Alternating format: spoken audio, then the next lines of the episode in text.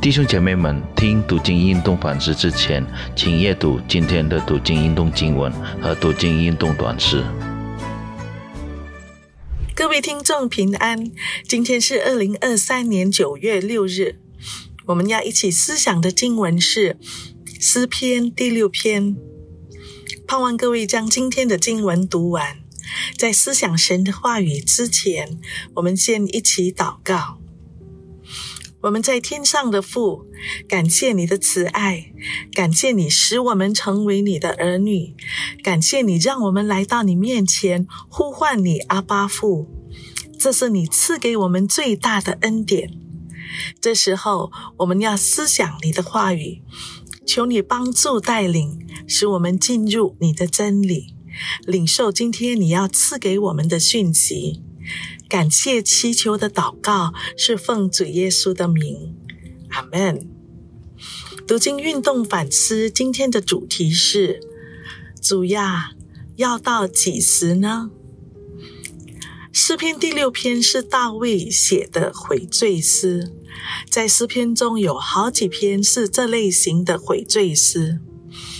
这诗篇一开始，大卫向上帝呼求。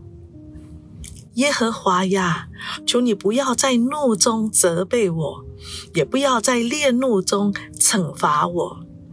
耶和华呀，求你可怜我，因为我软弱。耶和华呀，求你医治我，因为我的骨头发战，我心也大大的惊惶。耶和华呀，你要到几时才救我呢？这几节经文给我们的讯息是大卫当时的状况，他正在害怕，身体软弱、痛苦、惊慌。我们大部分的人都曾经体会病痛的难受，但是大卫不只是承受身体的痛苦，更让他担心的是，自己所承受的是耶和华的怒气和惩罚。是的。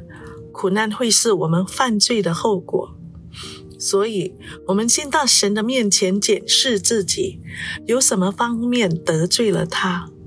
像大卫，先祈求神不要向他发怒，承认自己的软弱。我们所信靠的神是慈爱的神，他赦免真心来到他面前悔罪的人。我们不知道这篇诗篇的历史和背景。不清楚大卫当时的痛苦是否因为犯罪，或是其他的原因。只是大卫在面对苦难时，第一时间做的事，来到神的面前，检视自己，祈求神的怜悯。这是很值得我们学习的。在痛苦中，我们往往会觉得时间过得特别慢。所以大卫呼求主啊，要到几时呢？接下来的两节经文，我们进一步知道大卫当时所面临的：我因哀哼而困乏，我每夜流泪，把床榻飘起，把褥子湿透。我因忧愁眼睛干瘪，又因我一切的敌人眼睛昏花。他面临的不单是自身的痛苦，还包括外在敌人的威胁。虽然第六节的描述是诗人文学风格的表达，因此若不是从文学角度去看，会觉得夸大。眼泪怎能使床榻飘起，把褥子湿透呢？这里所要表达的是，大卫那时是多么的伤心痛苦。他长时间的流眼泪。然而，这篇诗篇的结尾是大卫信心的宣告：“你们一切作孽的人，离开我吧！因为耶和华听了我哀哭的声音，耶和华听了我的恳求，耶和华必收纳我的祷告，我的一切仇敌都必羞愧，大大惊惶。”他们必要退后，忽然羞愧。